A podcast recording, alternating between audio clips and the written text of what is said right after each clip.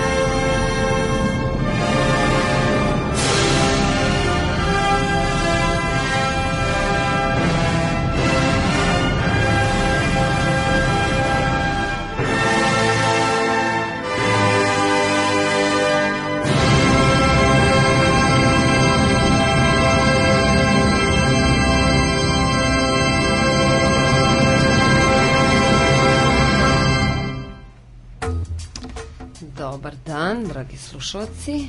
Dobar dan. Evo još jedne Radio Galaksije. Jeste. Kako ste, Ćiro? Odlično. Šta ima novo? Pa sad... Kako vam se dopada ovo letnje pomalo. vreme? E, lepo je, da, mislim baš je prijatno i o, onako može se nešto raditi. Može svašta da se jest, radi. Jest, još kad ne bi ovaj, počinjala školska godina, semestar i slično, bilo bi još lepše. Da, Ali dobro. To, to je istina. znači, ne možemo nekako ovaj, bez toga. A, mora, mora nešto i da se radi. Jeste. A u današnjoj emisiji bit će dosta posla. Jeste. Jeste. Ali pre svega toga, malo neke nove vesti. E, pa jeste, ima, ima par novih vesti zanimljivih, neke su ovako lepe, neke su manje lepe, ali recimo ona jedna koja je bila baš interesantna, a koja je danas, i to u petu ujutru, ni manje ni više bar, jeli, ovaj, objavljena, bar na Reutersovom sajtu, mhm. a, a to je da je pronađena mala planeta, dakle mala planeta u smislu najmanja od do sada poznatih ekstrasolarnih planeta, a što će reći da, da nem od njih 350 ova je relativno slična Zemlji u smislu da ima masu svega pet puta veću od Zemljine i da je nešto malo otprilike oko dva puta veća od Zemlje, ali ono što je interesantno jeste da su ovi novi podaci ukazuju da a, korišćenjem satelita KORO. To je jedan od ovih mm, uređaja koji su specijalno napravljeni za potragu za ekstrasolarnim planetama, kako stoje stvari izgleda da je planeta to koja je za razliku od svih do sada potvrđenih gasnih činova, ovo je jedna stenovita planeta, znači baš nalik zemlji, mhm. samo malo veća. I ovo je super zemlja za sada, zato što je eto tako veća, a to što kako stoje stvari, dakle Jedini problem je sa njom naravno što je suviše se nalazi suviše blizu svoje matične zvezde pa kako se ispostavlja na njoj je mnogo vruće, pa onda zbog toga mislim da inače nema uslova za život kakav mi poznajemo, ali je to fascinantna stvar samo po sebi da je to verovatno ako se ispostavi narednim posmatranjima se potvrde ovi rezultati objavljeni jutros, e, da je to zaista mislim, prva planeta za koju možemo biti sigurni da je strukturalno, fizički, geološki nalik zemlje i ono što je ono što je zanimljivo jeste naravno da te ne dakle da e, je to će biti objavljeno u časopisu evropskom najist najuglednijem Astronomy and Astrophysics, a kako stoje stvari dakle e, potrebno je bilo potrebno ljudima oko 70 pomoću satelita Koro bilo je potrebno oko 70 sati praktično 70 sati ukupno mislim posmatranja da bi se da bi se došlo do ovog zaključka e, da bi mogli sa sigurnošću da jeste, tvrde. Jeste, ostalih 350 ekstra, oko 350 Mhm, praktično broj se menja iz nedelje u nedelju. Oko 350 e, drugih ekstrasolarnih planeta su za sada sve gasne džinovi, ali to je ne zbog toga što je to njihova realna distribucija, nego iz prostog razloga što ove stanovite planete jednostavno do sad nije bilo moguće utvrditi. Ovo je, ako se pokaže, još jedan, kako bi rekli, milestone, odnosno, mislim, zove još jedna jako bitna e, stavka e, na putu traženja traženje mislim habitata za život nalik zemlji pošto je to znači nešto što se tradicionalno vezuje za Mm, e, za plan, stenovite planete. Ono što naravno može biti slučaj jeste da i čak i gasni džinovi mogu imati male stenovite satelite, kao što su recimo sateliti Jupitera. E, kada bi Jupiter bio okružio oko Sunca na mestu gde se nalazi Zemlja, onda nema razloga da verujemo da bi nas Jupiterovim satelitima recimo vladali nekakvi mnogo nepovoljni uslovi. Ili recimo Saturnov satelit Titan koji ima čak i gustu atmosferu. Tako da a, moguće i to takođe, znači ako mi detektujemo gasne džinove, mi jednostavno mi nismo u stanju i nećemo biti još dugo da detektujemo njihove satelite, pošto je to mm. ipak ono ipak je to još problem za jedan red do dva veličine teži, ali a, e, čak i to znači ne isključuje postojanje habitata nalik na zemlju, ali ako ima baš planeta nalik zemlji, mislim poput ove super zemlje, onda je to još lepše, mislim, dakle Dakle, sad se očekuje, mislim, ima novi, dakle, takozvani HARPS, a HARPS je skraćenica od High Accuracy Radial Velocity Planet Searcher. To je, znači, novi spektrograf koji je postavljen u Čileu na e, e takozvanoj Evropskoj južnoj observatoriji, mm. poznatoj pod skraćenicom ESO, e, koji sad kako stoje stvari, mislim, zove predstavlja jedan od uređaja, mislim, zove za follow-up, odnosno za nastavak, nastavak, nastavak posmatranja ove zanimljive planete, a nadamo se i drugih koji, se, koji će se biti malo udaljeni od svoje matične zvezde, pa će onda pa ćemo onda ovaj lakše da onda onda će na njima mislim da biti lakše da se ostvari temperatura i drugi uslovi mm. neophodni za život. A kad smo kod temperature, ovaj druga vesna stiže iz Singapura.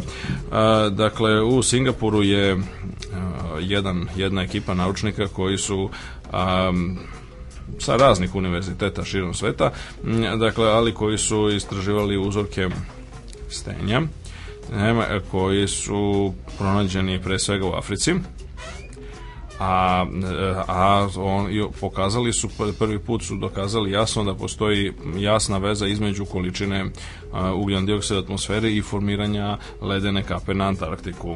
E sad na prvi pogled čovjek bi rekao pa dobro, mislim zove kako je to sad, mislim zove zašto su zašto šta će im onda stenje iz Afrike, pa radi se o tome da su u to doba o kojem govorimo pre otprilike 40 34 do 40 miliona godina Znači, Afrika i Antarktik su bili deo istog kontinenta ili superkontinenta, tako takozvane Gondvane.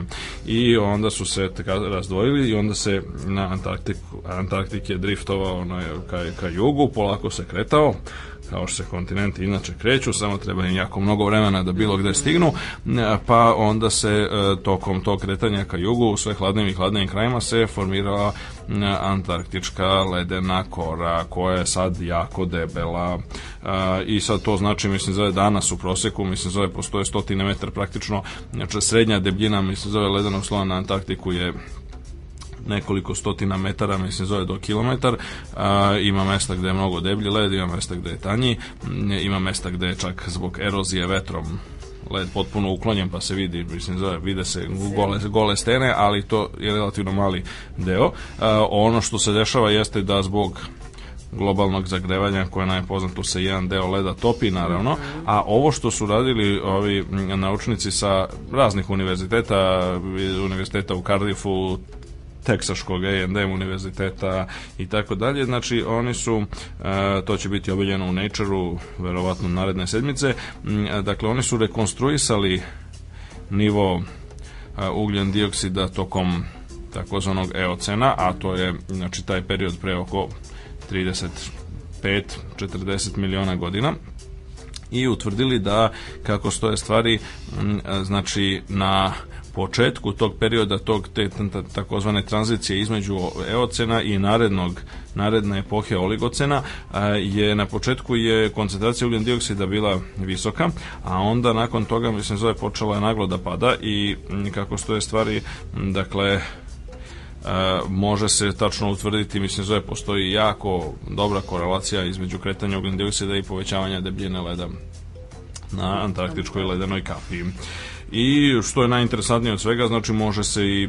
proceniti dakle kolika je prošle proceniti kolika je količina mm, leda koja izaziva obrnuti proces odnosno topljenje antarktičke ledene kape e, kako što je stvari znači on, njihovi modeli koji će opet takođe biti objavljeni zajedno sa ovom studijom ukazuju da recimo topljenje leda na Antarktiku u potpunosti će nastupiti sa ako je koncentracija ugljen dioksida nekih 900 delova u milion, a 900 delova u milion je srećom još uvek dosta m, znatno više nego današnje, današnje nivo je negde oko 400 delova u milion, ali kako stoje stvari, postoji realna opasnost da do kraja ovog veka ukoliko ne dođe, mislim, za, jeli, do znači ili drastičnog smanjenja emisije ili do apsorpcije mm. ugljen dioksida nekim drugim metodama kao što je geoengineering o kome smo pričali u jednoj od prethodnih emisija Radio Galaksije. Ako do toga znači ne dođe, onda može se očekivati dosta neprijatne posljedice po antarktičku ledenu kapu do da, i kraja ja sam veka.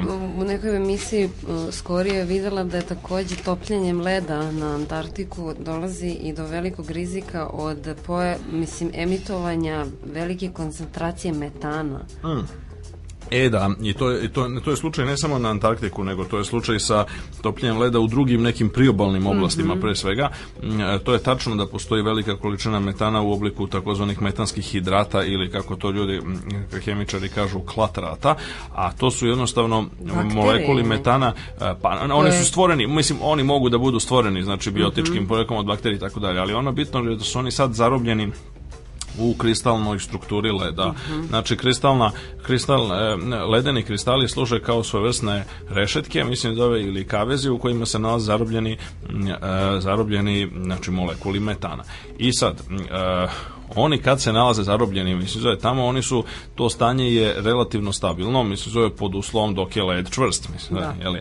E, kad led počne da se topi, onda se metan pokazuje tendenciju da se oslobađa. I to se, ako je led još... E, pod velikim pritiskom, kao što je slučaj kod ledenih naslaga koje se nalaze ispod površine okeana i okolo okolo kontinenta, posebno oko, dobro, naravno, oko obala Antarktika, naravno, ali takođe i oko obala i kontinenta na severnoj hemisferi, ne treba zaboraviti, znači oko obala Kanade, mislim, zove mm. severnog ledenog mora, e, Rusije, dakle, drugih zemalja koje su dovoljno skandinavskih zemalja i tako dalje, mhm. postoje velike količine e, klatrata u ledu koji se nalazi ispod površine okeana. E, led se nalazi ispod površine okeana iz prostog razloga što pod visokim pritiskom koji tamo vlada, mislim, zove, onda mnogo lakše da on može da se održi i na višim temperaturama, znači nije potrebno da temperatura vode bude ispod nula i mislim zove da bi se formirao led. Kada je mhm. visok pritisak, led se formira i na većim temperaturama. Tako da u tom kontekstu je tamo su velike količine metana. Sad zašto je to ovaj, značajno za nas? Pa jedne, sa jedne stvari neke smatraju ljudi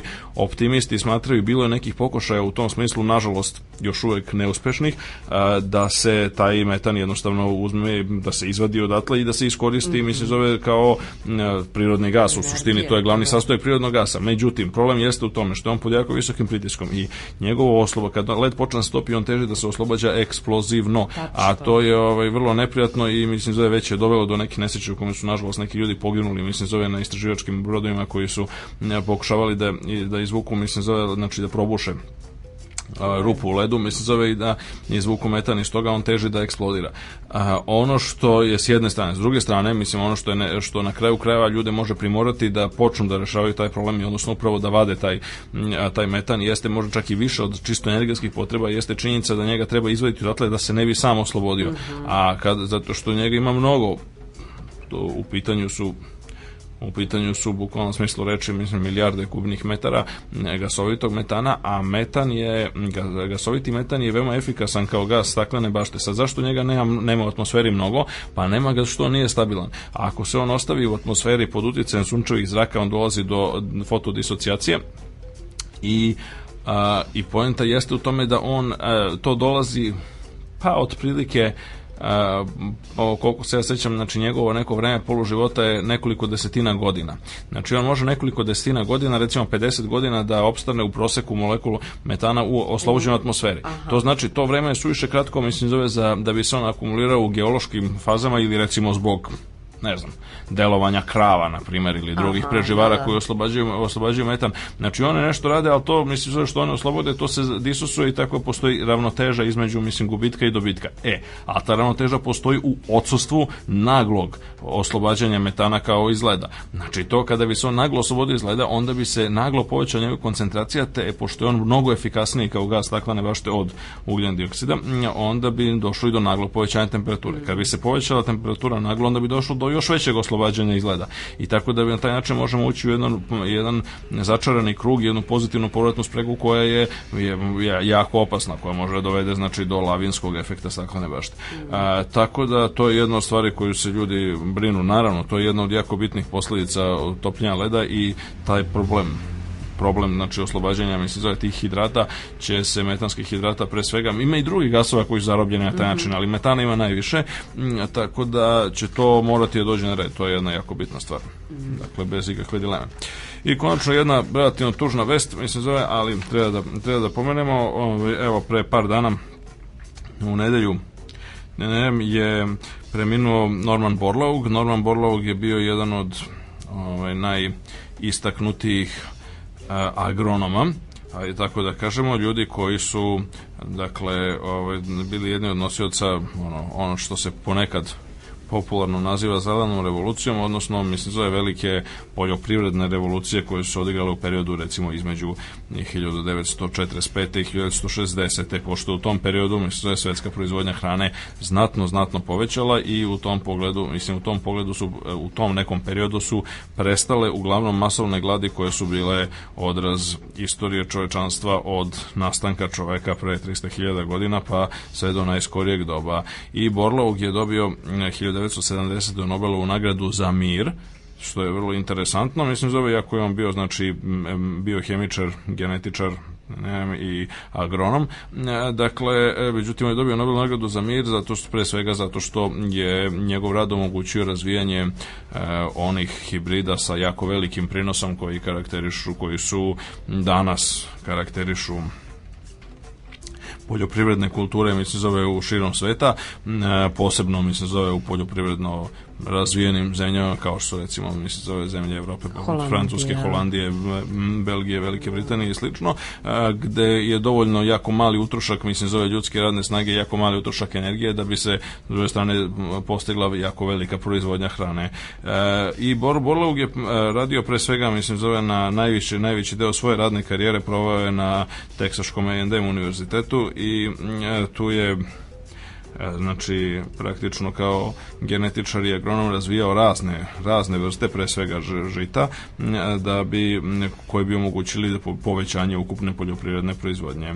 I e, ono što je interesantno jeste da znači između ostalog radio je sa jako mnogo sa vladom Meksika koje i omogućuje da razvijanje recimo e, sorti kukuruza koje se inače jeli, tradicionalno potiču iz Meksika sa jako, jako visokim mm, prinosom, tako da je, na primjer, njegovom zaslugom i, mm, ovaj, i na, na osnovu jednog granta koji je radio zajedno sa Meksičkom vladom i Rockefellerovom fondacijom je e, Meksiko, mislim, zove nakon jako dugačkog, dugačkog perioda vremena jako dugačkog perioda vremena svoje istorije ponovo postao izvoznik hrane.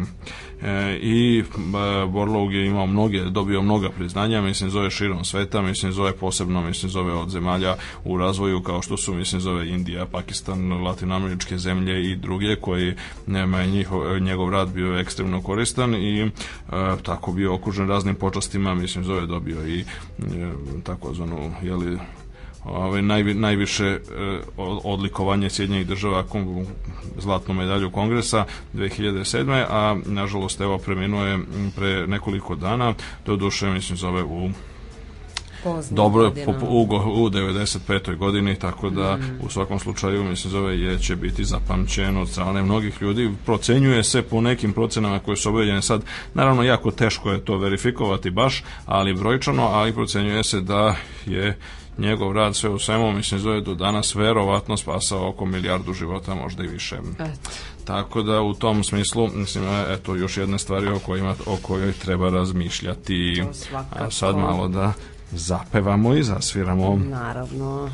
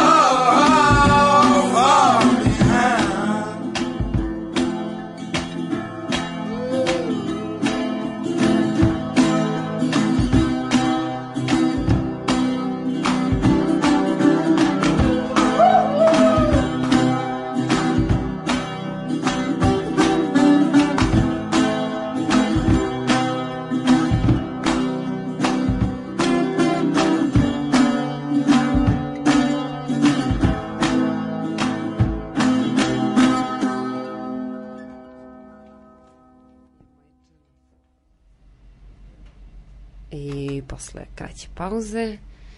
Eto nas. Eto nas nazad. A vraćamo se e, na rubriku Facebook grupe, pitanja. Jeste, jeste, dobili smo jedan interesantan tekst, odnosno link ka interesantnom tekstu. Da, a, a u isto vreme i pitanje o jeste, singularitetu. Jeste, ali ne bilo kakvo, mislim zove singularitetu, pošto ima raznih singulariteta, mm -hmm. što smo mhm. vremeno pomenuli kad smo govorili o crnim rupama, ali dobro, obnovit ćemo mi to gradivo pre ili kasnije, a ovaj, umeđu vremenu, umeđu vremenu ovde, ovde se radi o tehnološkom singularitetu i e, mi se zahvaljujemo našoj dragoj slušateljki Ružici na, na, ovaj, na ovom e, pitanju, a boga mi interesantnom tekstu koji mhm. nosi provokativan naslov da li će veštačka inteligencija nadmašiti ljudsku, odnosno AI, ono, je li skraćenica da. artificial intelligence, nadmašiti ljudsku do 2020. godine. E sad, sad da bismo nešto rekli o tome, to je velika tema, ali e, ovaj, hajde da se zadržimo na nekim najosnovnijim stvarima u tome.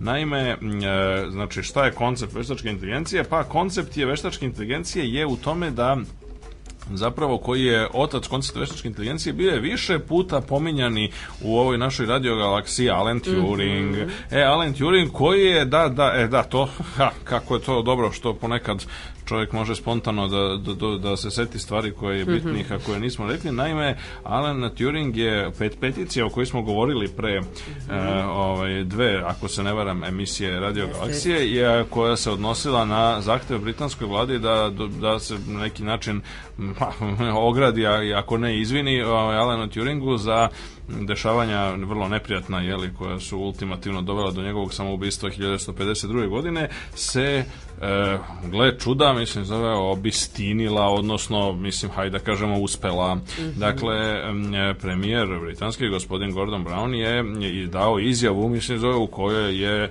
zvanično izjavio da mislim zove da, žali tako e sad on ne može on da. ne može da uputi izvinjenje u ime vlade zato što je li mislim nema e, odnosno postoji nekakva neka vrsta Dakle, procedura je takva i mislim zove britanski zakoni, a da ne kažem i običaji koji su tamo podjednako jaki kao i zakoni su takvi da e, mislim zove ne može ne može vlada zvanično da e, se izvinja ako nema kome, a to, to mhm. kome znači mislim zove oštećenima, a to oštećenima znači u ovom slučaju mislim zove potomcima, e, pošto Turing nije imao potomke, onda onda to nije, ali je zato u izjavi premijerska izjava koja je zato da, koja je imala praktično mislim isti efekat i ima simboličan efekat koji je na kraju krajeva mislim zove ono što mislim se zove, što su inicijatori peticije i tražili, da, pošto i, i nije bila poenta, mi se zove... za, taj, e, za tu izjavu Gordana Brauna i imamo na, na Radio Galaksiji upravo to. grupe, Ružice takođe okačila. E, upravo to. Dakle, mm -hmm. ovaj, ono što, to je dobar, mislim, zove, to je, to je jako dobar, znači, šlagvord za,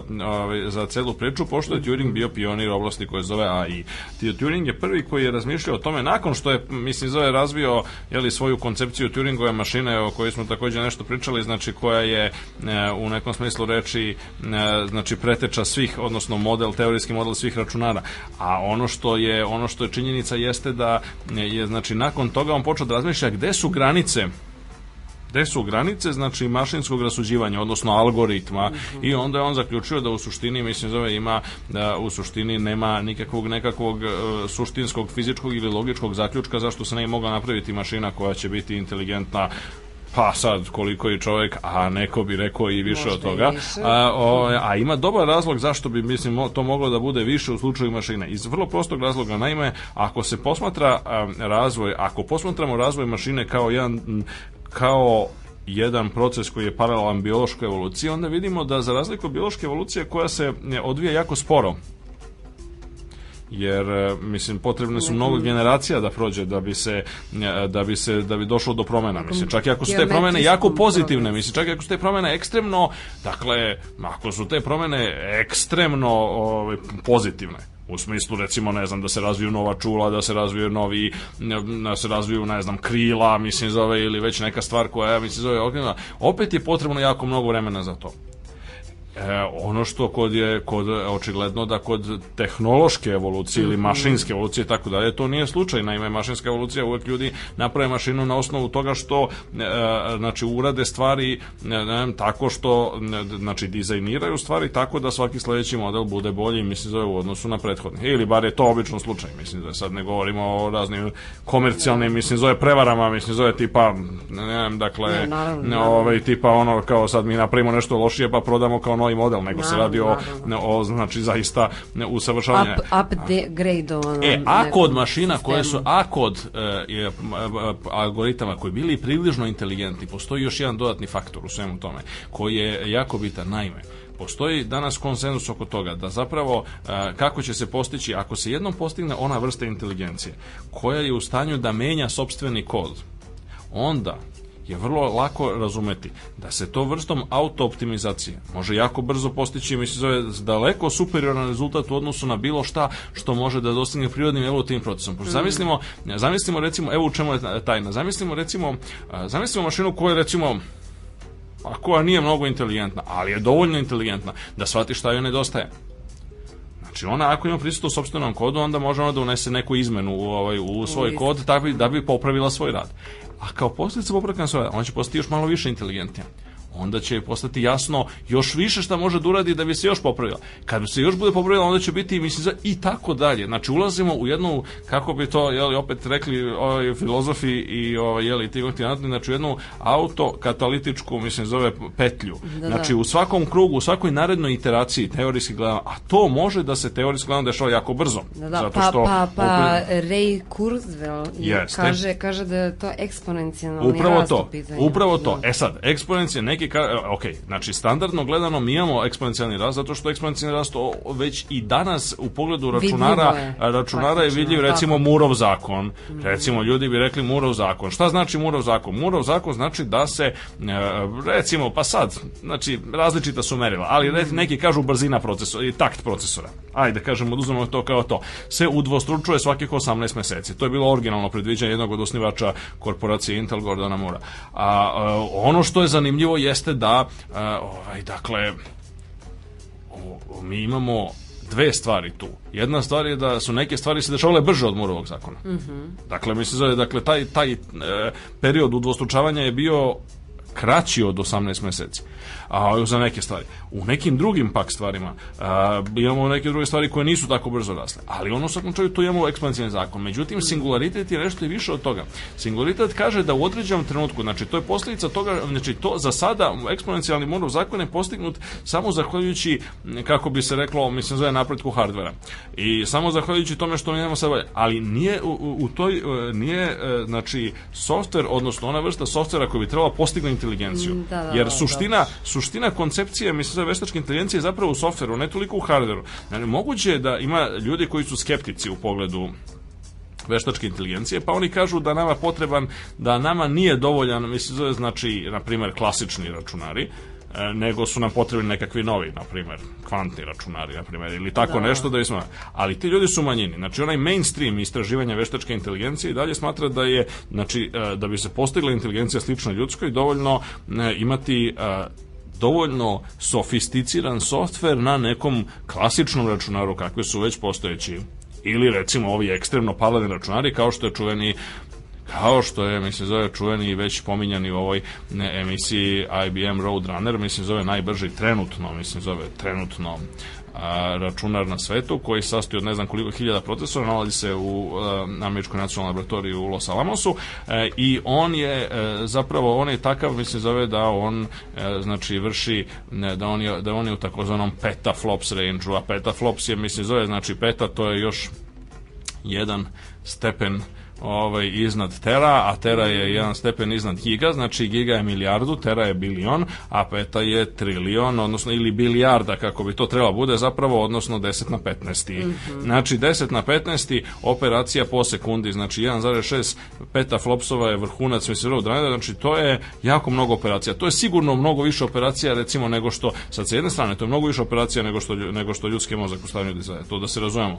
Znači ta granica je već sad probijena, ali druge strane strane sofisticiranost softvera koji sam obavlja je daleko, daleko, daleko, daleko ispod, mislim, zove sofisticiranosti softvera koji je evolucija učinila da se obavlja u ljudskom mozgu. Tako da je osnovni problem zapravo je pre na nivou, mislim, zove softvera nego hardvera. Moglo bi se reći da ako je taj mainstream, odnosno glavni tok e, istraživanja veštačke inteligencije u pravu, opet kažem, moguće da su skeptici ljudi koji, eto, recimo zastupaju kvantne računare i slično, mislim, zove se da smatraju da je to neophodno, onda je to druga priča. Ali ako ovaj mainstream nema u pravu, onda u principu mi hardver imamo. Sad samo je pitanje što nemamo sofisticirani softver. Ok, Jasno. A, kada ćemo imati sofisticirani softver? Pa i softver se jako brzo razvija. Onog momenta kad mi budemo imali na Китай примитивный от u kategorije softvera, mislim zove, koji spadaju u, u, u veštačku inteligenciju, onda će on moći pod određenim uslovima, znači ako mu se to omogući, mislim zove čisto programerskim rešenjima,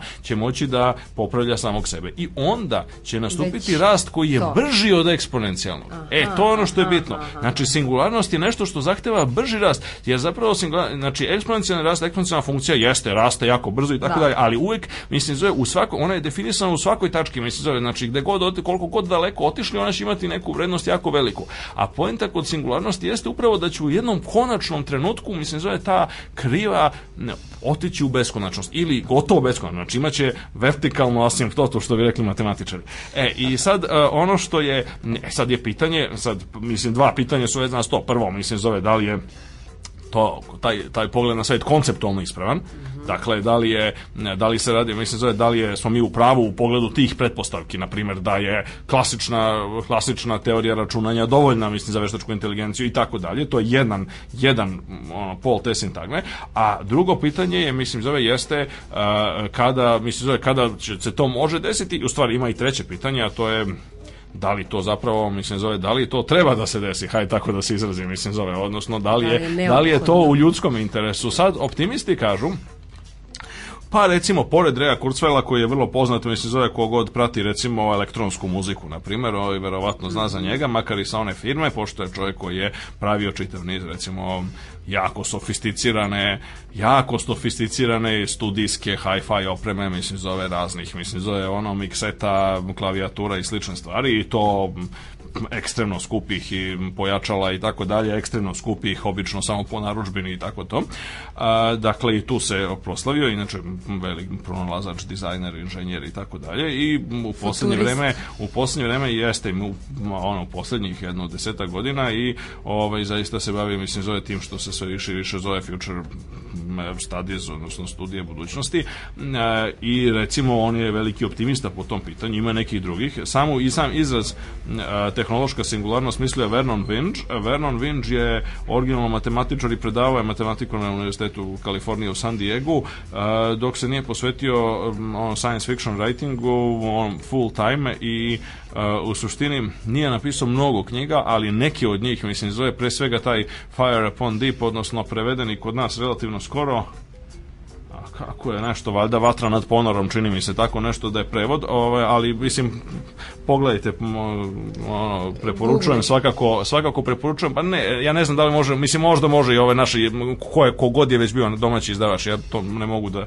se opsetim, ali ima ga po knjižarama, e, to je recimo jako dobra knjiga, ona je, ona je u nekom smislu reči, mislim, je već ono postala klasika, pošto je to, e, to je Vinč pisao tamo, mislim, zove krajem 80-ih, ali, ovaj, ali generalno gledano, ovaj, ovaj, on je jedan od ono pionira ono, cele te ideje i definisao je ono sam taj izraz tehnološka singularnost. E sad, kad će do toga doći? To je sad zanimljivo pitanje i kakve će to imati posledice. Dakle, eh, optimisti kažu da zapravo to može da ima jako dobre posledice. Sad šta to tačno znači? Pa ideja je zapravo ideja je u tome da to ima posledice takve da e, zapravo može da nas spase, hajde da kažemo od raznih problema. I sad ideja jeste u tome da zapravo veštačka inteligencija koja bi bila e, e, sad for the lack of better term, kako bi rekli, ovaj, u nedostatku boljeg izraza, mm. namerna, mislim, zove. Sad, mislim, postavlja Dobar se pitanje, čuna. postavlja se pitanje, da, e, postavlja se pitanje da li je to e, takav izraz, zapravo, naš jezik je sam po sebi antropocentričan, pa mm. onda je jako teško, mislim, zove, mi sad pripisujemo neke ljudske kategorije koje ne bi trebalo pripisujemo, mislim, zove, drugačijoj vrsti entiteta i na kraju krajeva drugačije vrsti mentalne aktivnosti. E, u tom smislu je znači pitanje da li će i e, mislim da a, da li će ta e, takva novostvorena veštačka inteligencija biti prijateljski nastrojena je pitanje koje je za nas jako interesantno jer ako će ako će to biti takav slučaj onda nam ona svakako može pomoći e, da rešimo milion problema sa kojima se suočavamo mislim zove počeo od ovih klimatskih promena pa zaključno mislim zove sa pitanjima bolje organizacije ovoga onoga mislim zove čega god već naseljavanja kosmosa rešavanja energetskih problema, rešavanja, mislim, zove socijalnih konflikata, mislim, zove i tako dalje. Ok, s druge strane, niko ne bi trebalo bona fide da isključi opasnost koja preti od toga, mislim zove koja recimo imamo u jednom popularnoj formi, na primjer u pa na primjer u filmu Terminator, mislim zove Terminator 2 i slično, mislim zove gde ako će se slušalci setiti, dakle super kompjuter je li koji je angažovan za neke vojne svrhe zaključuje da mislim je on ipak pametniji od tih ljudi nema potrebe mislim zove za njihovim daljim ovaj postojanjem. Tako da ovaj, je to sad prevaziđeno e, u tom smislu reči. Znači to se oko toga se lome koplja između ajde da kažemo optimista i pesimista zato što je to svakako potencijalno gledano veliki rizik. Sa druge strane, kao i kod drugih stvari, kao i kod drugih novih tehnologija, veliki rizici donose i potencijalno velike beneficije. To je isti slučaj sa biotehnologijom, isti slučaj sa nanotehnologijom, isti slučaj sa drugim stvarima, tako da e, sad to je, radi se ukupno o veoma teškom, veoma ozbiljnom pitanju. A, e, ono, mislim da što svakako možemo preporučiti, dakle, svakom našem slušalcu jeste da se ovaj, jeli, uputi u tome, uputi u tu problematiku i da razmišlja razmišlja o tome, pošto je to jedna stvar koja će biti aktualna. Ako ne 2020. što prilično optimistička, mislim, i suviše optimistička prognoza čisto e, sa stanovišta razvoja sredstava i razvoja softvera. mi. A ovaj, to je možda, možda i suviše blizu. Mada s druge strane možda i ne, mislim, zove s obzirom kako se stvari ovaj, odvijaju i s obzirom na da je teško uopšte oceniti veličinu informatičke revolucije i dan danas, mislim, zove već ono nekih 15 ili koliko godina nakon što ona počela, a, a ono što e, je sa druge strane moguće takođe i tu otprilike mislim zove možemo da zaključimo ovaj super kratak pregled ove teme jeste da su mogući i drugi oblici manje pa da kažemo manje antropomorfni kojim bi se moglo doći do veštačke inteligencije. Ima ljudi poput Toma Reja, jednog od pionira takozvanog A-Life-a, odnosno A-Life je skraćenica Artificial Life. Znači ideja o kreiranju stvari kao što su, na primjer, u krajnjoj instanci kad mi govorimo o računarskim virusima, mi, govorimo, mi se koristimo jednom metaforom, ali ta metafora nije baš tako daleko, se zove od istine, zato što računarski virusi zaista imaju mnoge karakteristike koje dele sa biološkim virusima. Ako mogu da postoje e, računarski virusi, onda po ideji A-Life-a mogu da postoje računarske bakterije, računarski neki komplikovani organizmi, ultimativno gledano, znači veštačka veštačka inteligencija koja bi evoluirala u samom, sama od sebe u digitalnom medijumu za mhm. razliku od, od to. E, to je sad, to je prilaz, jedan prilaz što bi rekli from bottom to top, mislim zove, odnosno od ozdo naviše, za koji je, koji je još uvek jako manjinski, recimo, pošto većina ljudi ipak smatra da, e, da je prirodnije, lakše, efikasnije i e, etc, etc, da se e, e krene od modeliranja postojeće inteligentne mašine, odnosno ljudskog mozga, a s druge strane ima ljudi koji smatraju da to treba da bude od ozgo najviše, odnosno treba pustiti, treba stvoriti uslove u digitalnom medijumu da od sama po sebi inteligencija evoluira. Šta će biti od toga ostaje da se vidi. Ostaje, to je velika tema i u svakom slučaju Vrat, vratit ćemo jedna, se u, u, u, u radio, u radio galaksiji ćemo da se svakako vraćamo na svakako ćemo se vraćati mislim zove na stvari koje su vezane za veštačku inteligenciju sa raznih aspekata i ovog mislim zove ajde da kažemo kompjuterskog a boga mi ovog koji se tiče globalnih rizika. Mhm. Mm a to je istovremeno i dobar šlagvort, mislim, zove za, za, za ono o čemu ćemo dalje da pričamo, mislim, zove, a to su neki sofisticirani metodi koji na neki način u digitalnom opet medijumu imitiraju imitiraju prirodu život. oko nas, a između mm. ostalog pa i život, a o tome nakon jedne muzičke pauze. Može.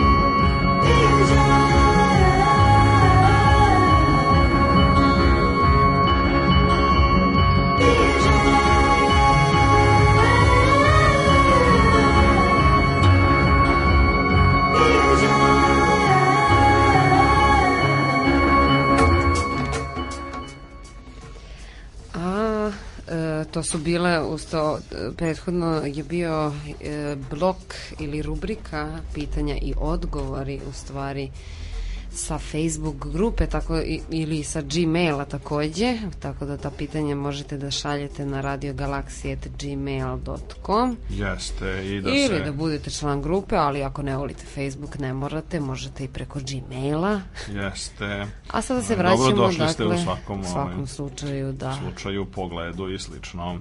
Da. E, da. A sada ono, to, celularni automati Pa da, to je dobar, mislim, ono što smo mm, ovaj, pričali, o, ovaj, znači veštački život, znači A-Life je dosta povezan sa idejom celularnih automata, znači odnosno sa idejom o tome, mislim, zove, dakle da postoje stvari u prirodi oko nas kao što je život, mislim, koje se mogu mhm. predstaviti na digitalni, digitalizovani način kako god. Um, ideja je u suštini jako stara i potiče negde od e, ili Johna ili Janoša von Neumana, velikog mađarsko-američkog matematičara, fizičara, čega sve ne.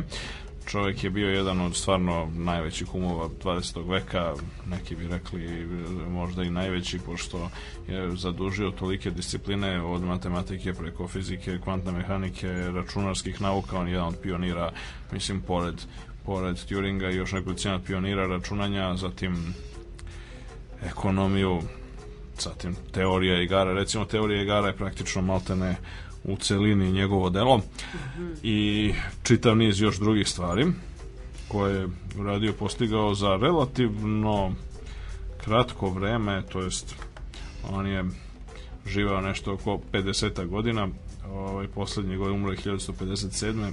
Poslednjih godina života bio jako bolestan i nije eh, ovaj, mnogo radio, tako da je to zaista, mislim, za najfascinantnijih karijera. Osnovna ideja se može predstaviti jednim lepim citatom iz Tomasa Huxleya, eto, čoveka koga se sad u ovoj godine kada obeležavamo Darwino jubilej, dvostruki jubilej Charlesa Darwina sećamo, pošto Huxley je jedan od ono, najbližih Darwinovih saradnika, da ne kažem prvi učenik ili već apostola, zvali su ga i Darwinovim buldogom, pošto je čovjek se ako volao da ulazi u kontroverze, sukobe i tako dalje u zastupanju teorije evolucije. E, dakle, Thomas Huxley je negde oko 1880. godine napisao dakle, da se svet zapravo treba uporediti sa šahovskom igrom, mislim da je, dakle, kao napisao, the chessboard is the world, the pieces are phenomena of the universe, the rules of the game are what we call the laws of nature, odnosno, mislim zove, znači,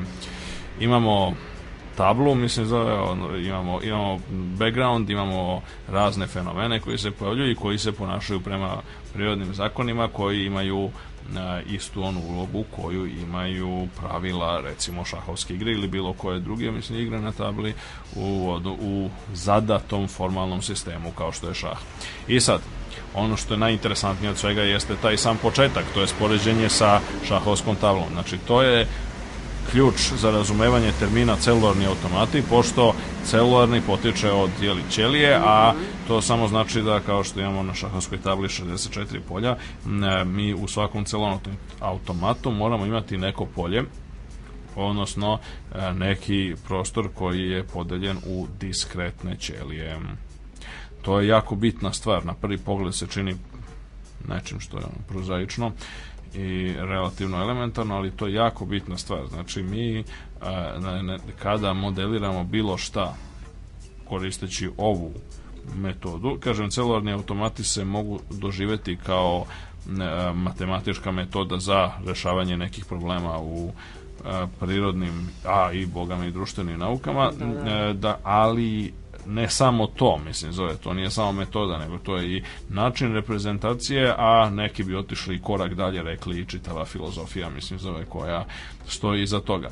Poenta jeste da je to diskretna filozofija. Sad, to je isto jedna stara stvar, mislim, zove, ljudi su se još od antičkog doba i tamo polemike između e, Zenona i atomista pitali o tome da li je u, u korenu i srži svega kontinuum ili diskretum, mm. odnosno da, da li su stvari proizvoljno deljive ili postoje najmanje nedeljive jedinice i to je jedan velika debata koja postoji u novovekovnom kontekstu, znači u e, kontekstu ove postrenesansne i postnaučne, ajde, odnosno naučne misli od postkopernikanske, e, je zapravo to pitanje recimo postavio naj najpronicljivije, najoštrije Ruđer Bošković, o tome smo pričali negde na samom početku jednog prvih radiogalaksija, koji je recimo zagovarao ideju da zapravo ono što treba, čime treba dopuniti njutnovu fiziku, mislim njutnovu mehaniku, jeste zapravo razumevanje diskretne strukture. On je bio veliki pobornik znači, atomizma, odnosno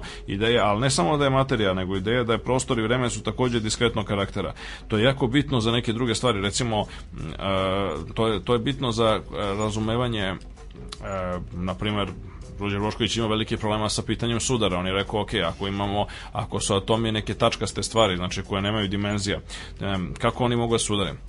Tačke ne mogu da sudare. Znači, ne postoje, ne, znači nemoguće je da se sudare objekti bez dimenzija a ove, ovaj, s druge strane takođe i ako se pretpostavimo da se sudare, imaju konačne dimenzije da sudare. Šta to znači? Oni pre, e, pre trenutka, pre sudara se kreću, recimo ima jedna, jedan atom se kreću u jednom pravcu, posle sudara se kreću u nekom sasvim desetom pravcu. Šta se dešava u trenutku sudara?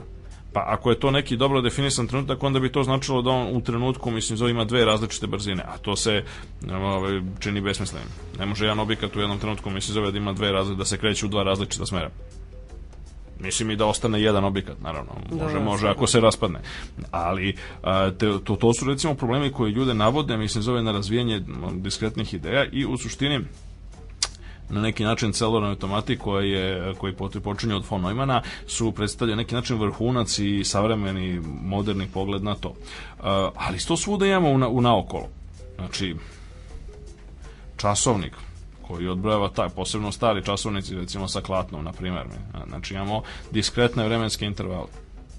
Galilej je jedan od, opet kažem, opet, i njegov jubilej obeležavan ove godine, Galilej je jedno od njegovih velikih otkrića je bilo da je on sasvim slučajno, znači išavši tamo u crkvu, mislim zove u ovaj, Veneciji, čini mi se ovaj, je primetio, mislim zove da se klatno kreće, mislim zove tako da ima, da ima uvek isti period. Znači, nezavisno od amplitude, nezavisno da li ide jako mnogo levo-desno, mislim zove ono, ono će uvek imati isti period. I onda je to, to je bila znači, velika revolucija u razumevanju merenju vremena, vremena pre da, svega.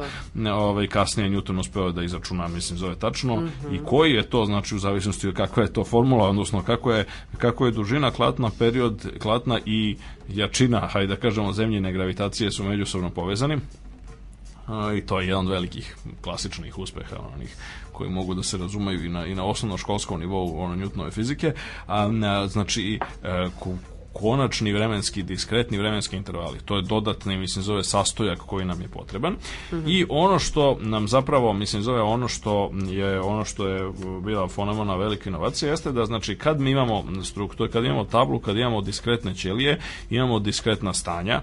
Dakle, neke od tih ćelija mogu na primjer biti popunjene, a neke ne. Najjednostavniji celoni automati mm -hmm poput konvojeve igre života, odnosno Game of Life po koju ćemo se vratiti, mm -hmm. imaju samo dva stanja. Znači, to Proste možemo zamisliti baš po analogiji sa šahovskom tablom, samo što, mislim, zove, znači, svako polje može biti, mislim, crno ili belo, mislim, zove. Sad, naravno, ovaj, to se menja za razliku od šahovske table koja li ostaje ista stalno, ovaj, na, kod celonih automata, znači, polje koje je crno može postati belo i obrnuto.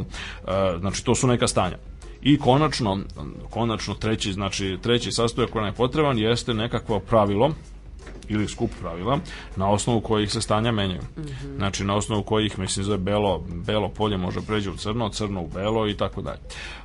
Ono što je sad mislim zove ono što je bilo zanimljivo jeste da znači von Neumann je u startu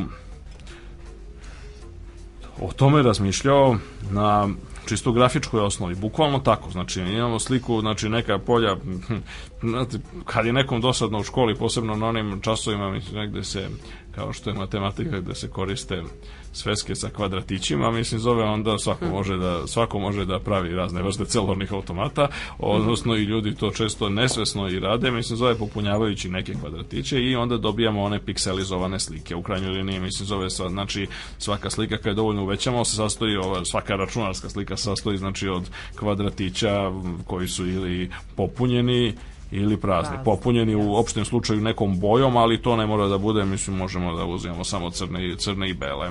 E, I sad, e, danas imamo računare. Vratimo se za moment, mi se zove u nekoj momenu doba negde, pa negde oko, pa ono, pred drugi svetski rat ili neposredno nakon drugog svetskog rata, kad nije bilo računara ili ono što je, mislim, bilo je bilo vojna tajna i bilo je bilo ogromno, ogromno, a dobro, mislim da, da, onda bi bila je kriza papira, ali opet je bilo lakše na papiru, mislim, zove ovaj to, naći papir nego naći računar.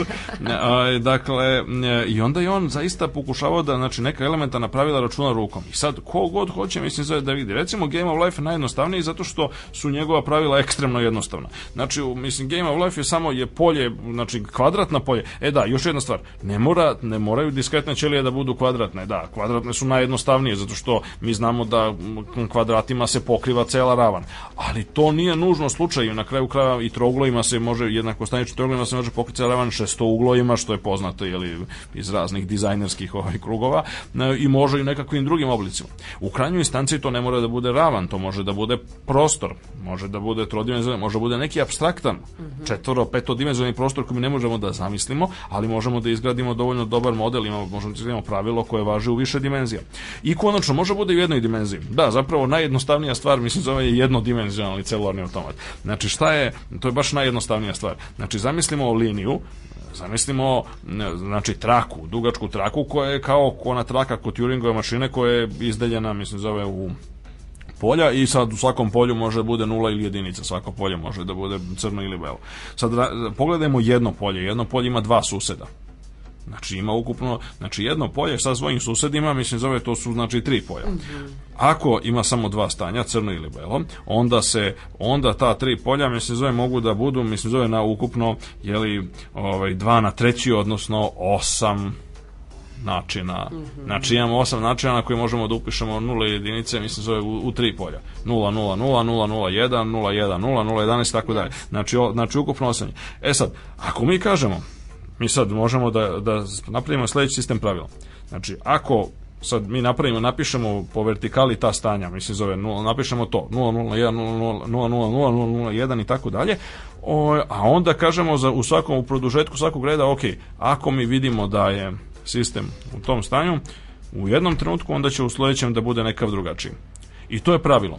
Znači pravilo evolucije. Znači ako su ako je na primer jedno polje okruženo sa dva prazna, a ono je samo prazno, onda će se onda će ono ostati prazno. A ako je okruženo sa dva puna, a ono je samo prazno, on će se popuniti.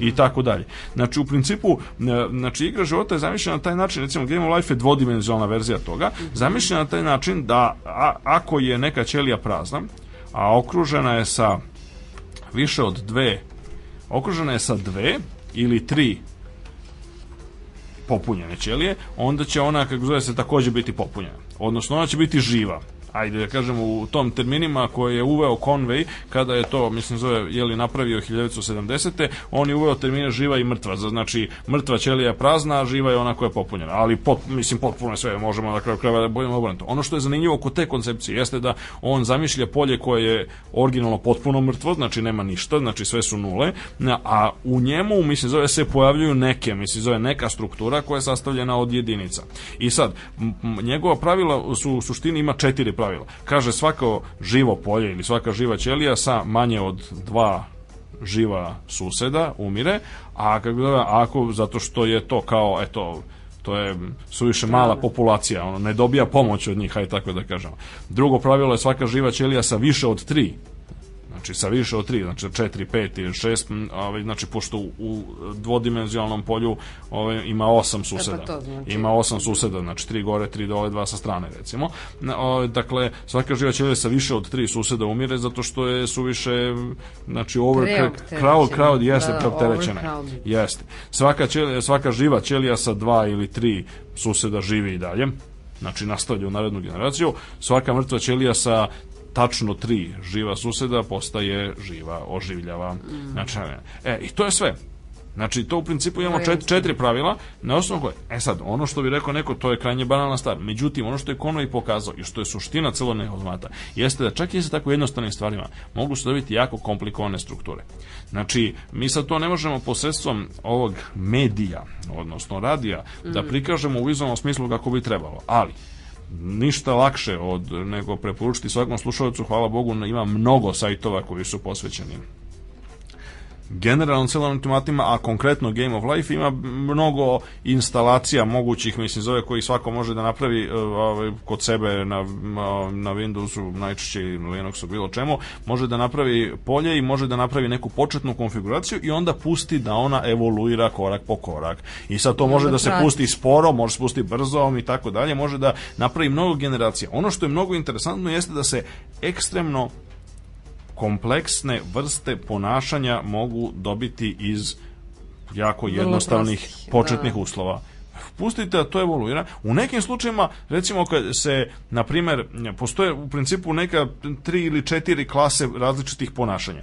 Znači, u nekim slučajima imate, napravite na početku neku konfiguraciju živih ćelija i ona nakon izvjesnog vremena nestane. Odnosno, sve one izumru i onda se više ništa ne dešava. Nema, to je jedna stvar. Kraj. Napravite neku konfiguraciju živih ćelija, onda ona nešto evoluira, dođe u neku stabilnu konfiguraciju. Recimo ako uzmete kvadrat. I onda mutira. Ako imate kvadrat od recimo, e, to može da se desi, to, to ne može da se desi ovde, zato što je, je osnovna osobina, znači, e, igra, e, znači, Conway Game of Life pripada kategoriji determinističkih celularnih automata. Svi celularni automati se dele na dve velike kategorije deterministički i indeterministički. Deterministički su oni koji imaju ovakva zadata pravila, kao što su malo pre naveli. Aha. Znači, kod kojih nema odstupanja od tih pravila. Okay. Jednostavno, znači, to je to. znači algoritam nema je čvrst, mutiranja. on to tako radi. A, a suprotno od toga, su probabilistički celani automati, gde možemo da kažemo, umesto da koristim ovaj imperativni jezik koji smo koristili u da, definiciji mhm. ovih pravila, Znači, recimo, ako, u, ako Conway kaže tamo, znači, svaka mrtva ćelija sa tačno tri živa suseda postaje živa. Ok, to je imperativ, znači to će se uvek tako desiti kad su zadovoljeni uslovi. A umjesto toga mogu i da kažem, svaka mrtva ćelija sa tačno tri suseda ima 50% šanse kako zove da postane živa. U jednom vremenskom koraku.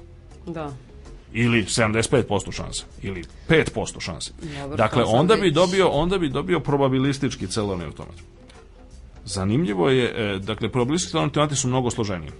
Znači njihovo ponašanje je mnogo mnogo složenije. Da, može da I njihovo ponašanje je mnogo teže analizirati, mislim mada su tu napravljeni veliki uspesi, mada su oni u suštini najrealističniji. Absolutno. Znači ljudi ljudi se a, ljudi se u ogromnoj većini praktičnih primjena celovnih automata, a govorit ćemo o praktičnim primjenama a, danas takođe, a je se koriste probabilistički celovnim automatima zato što iz prostog razloga što a, mi ne znamo sve osobine sistema i načina na koji sistem reaguje na razne podsticaje, nego mi eventualno znamo sa nekom verovatnoćom. To, Verovatnoća da. prikriva da. naše nepotpuno znanje, kao što bi rekao Čika Bajes, koji je ovaj, otac tog celog Bajesovskog pristupa i interpretacije verovatnoće. Verovatnoća je zapravo odraz našeg nedovoljnog, nepotpunog poznavanja celine sistema. A sad kako se to koristi, implementira i u čemu se sve koristi, mislim, zove reći ćemo ponešto i o tome. Može.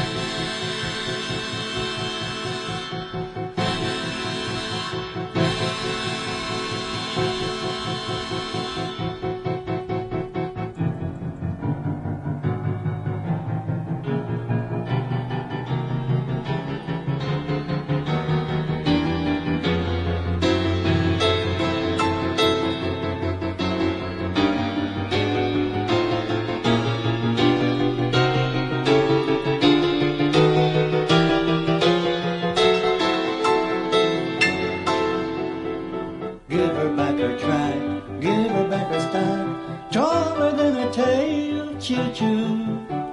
Give her back her crew, give her back her due.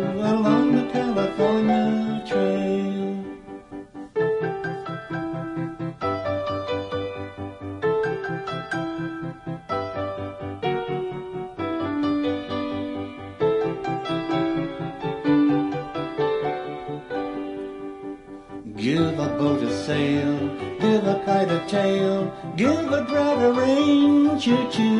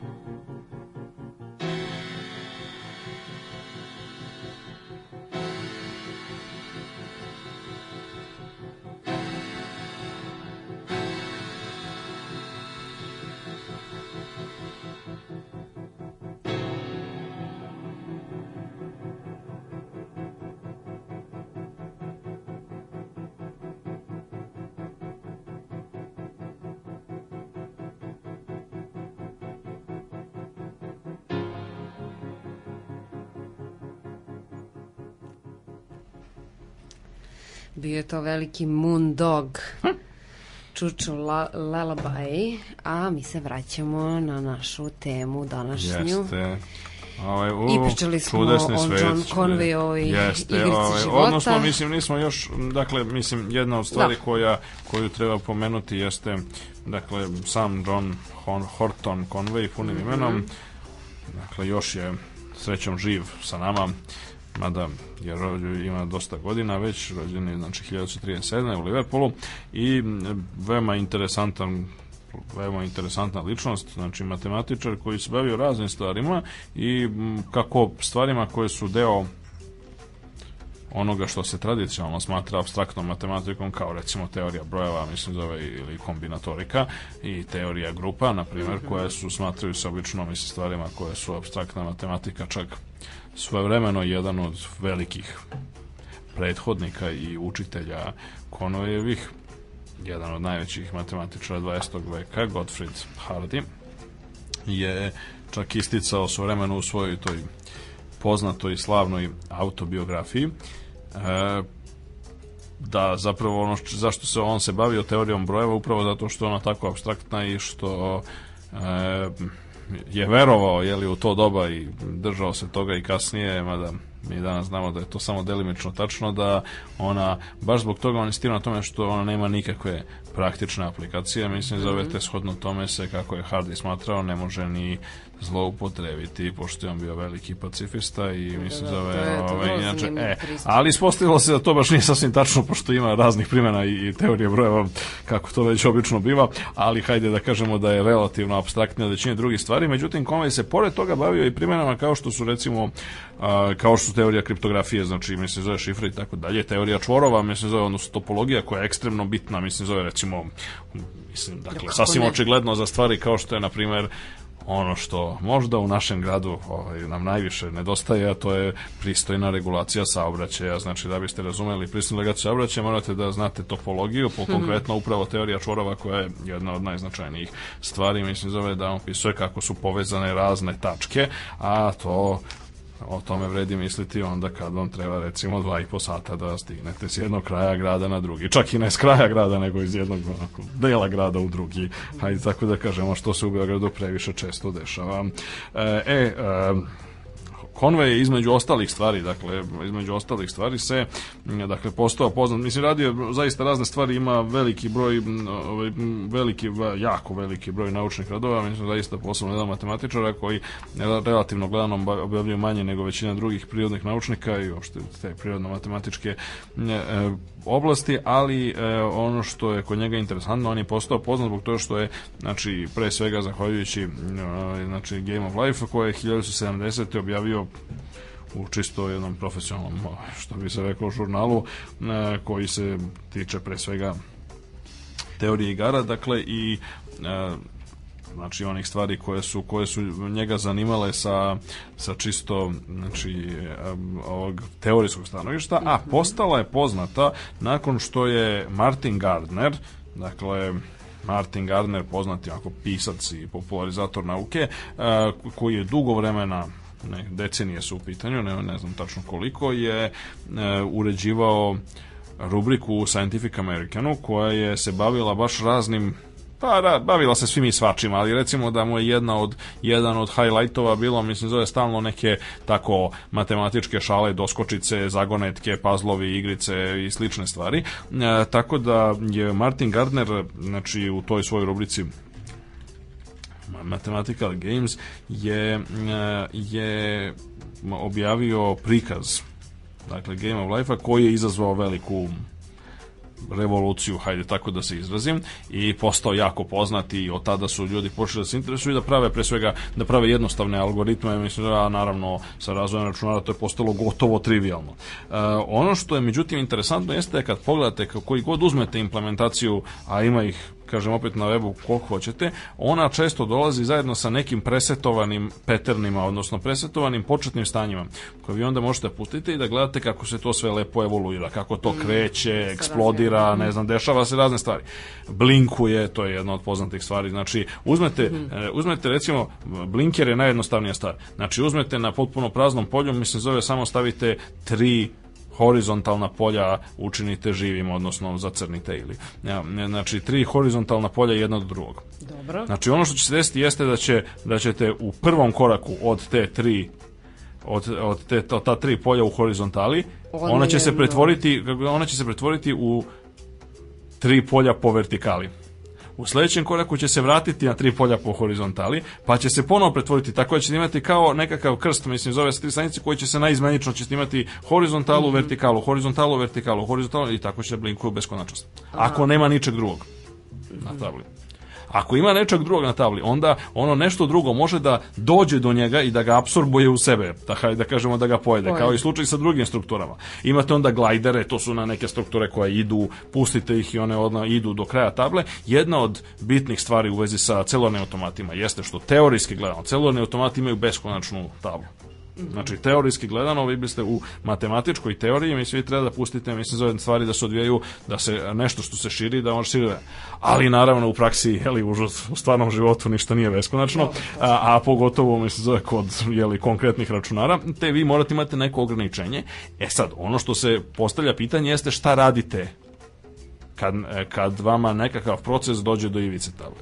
Vi obično poč, počećete sa nekom zanimljivom konfiguracijom u sredini, naravno, ali šta ćete raditi kad dođe do ivice, to je pitanje graničnih uslova. I sad pitanje graničnih uslova se može definisati na razne načine. Možete imati granične uslove takozvane apsorpcione, znači koji ono upijaju i, i ništa ne rade, znači jednostavno upijaju sve što što dođe, što pokuša da pređe preko granice. A mhm. imate još zanimljivije, to su takozvane refleksione, a koje odbija sve što mislim zove dođe do granice, on ga odbija, mislim zove on nazad. I onda imate različite pojave koje u zavisnosti toga kakve uzmete granične uslove možete da dobijete. Uh, ono što je u nekom smislu reči, mislim, to je zbilja fascinantno i šokantno, jeste da vi unutar samog Game of Life-a, kad počnete sa nekom jako komplikovanom konfiguracijom, to je pokazano, to je jedan od, jedan od vrhunskih rezultata cele teorije, celovnih automata, jedan od ono, zaista šokantnih stvari koje niko nije očekivao zapravo, osim ok, ajde da kažemo, nekih velikih vizionara, kao što je mhm. von Neumann koji je to predvideo da će se to desiti, ali nije nikad mu bio u stanju da dokaže, jeste da možete da izgradite u samoj slici, da napravite računar. Znači u samoj slici napravite konfiguraciju koja će da recimo sabira. Znači vi ubacite dva neka sa strane ubacite recimo dva nekakva nekakve male podstrukture, znači neka dva glajdera na primer, prvo, a onda ubacite još dva glajdera, on izbaci četiri na drugu stranu. Mhm ili tako nešto. Znači možete napravite, mislim, zove nekakvu, možete napravite, mislim, grafički računar, to je potpuno neverovatno, znači naravno to nije nešto efikasno, to pa dobro, nije nešto to nije čime će stvarno, ali je poenta jeste u tome da je fantastična stvar da možete napravite model, znači sa tako jednostavnim pravilima, samo sa jako složenom početnom, početnom konfiguracijom možete da napravite apsolutno neverovatno složeno ponašanje. I upravo to je ono što mnoge fanove, ali ne samo fanove, nego i ljude koji se bave time, mislim, zove na profesionalni istraživački način, zapravo motiviše da razmišljaju o tome zašto se druge, možda su i stvari u prirodi tako uređene. Mhm. Možda, je, možda su druge stvari koje se nama čine ekstremno složene, zapravo se mogu svesti na jako jednostavna pravila. Najpoznatiji pokušaj u tom stilu i znači ajde da kažemo pokušaj da e, se e, da se pokaže da se napravi nekakva kako bi se to moglo nazvati, znači celularna automatizacija, ajde da kažemo tako, fizičkih i drugih prirodnih fenomena je učinio e, Steven Wolfram. E sad, Steven Wolfram je jako kontroverzna ličnost Dakle, jako kontroverzna hmm. ličnost po mnogim parametrima. Šta je radio? Znači, Steven Wolfram je pa sad, ovako, zavisnosti od toga sad s koje strane gledate, odnosno, mislim, zove koju stranu služu, pošto on ima i velike ono, fanove, fanove, fanove, da ne kažem, malte ne, onako na nivou vođe sekte ili kulta pa ovaj, s da. jedne strane, a s druge strane mislim zove ima i velike kritičare ovaj, i ljude koji ovako smatraju jednom relativno destruktivnom pojavom. A, dakle, a, e, poenta jeste da znači Stephen Wolfram je pre svega bio veliki wunderkind kao ono dete, mladić, mlad, mlad čovjek. Ovaj on je ne znam završio fakultet ono u 15. godini otprilike doktorirao u 19. i tako dalje, znači bio veliki ve. Zaista onda je objavio nekoliko nekoliko bitnih radova koji su se ticali upravo upravo opšte teorije nelinearnih sistema. Ja mislim da to je samo po sebi jako komplikovana tema. E, ali ajde da kažemo sad da su celularni automati, ćelijski automati, mislim da su e, jedna e, podvrsta, mislim zove opšte kategorije nelinearnih sistema, jedna najjednostavnijih podvrsta nelinarnih sistema i a, e, zbog toga su najpodložniji izučavanju.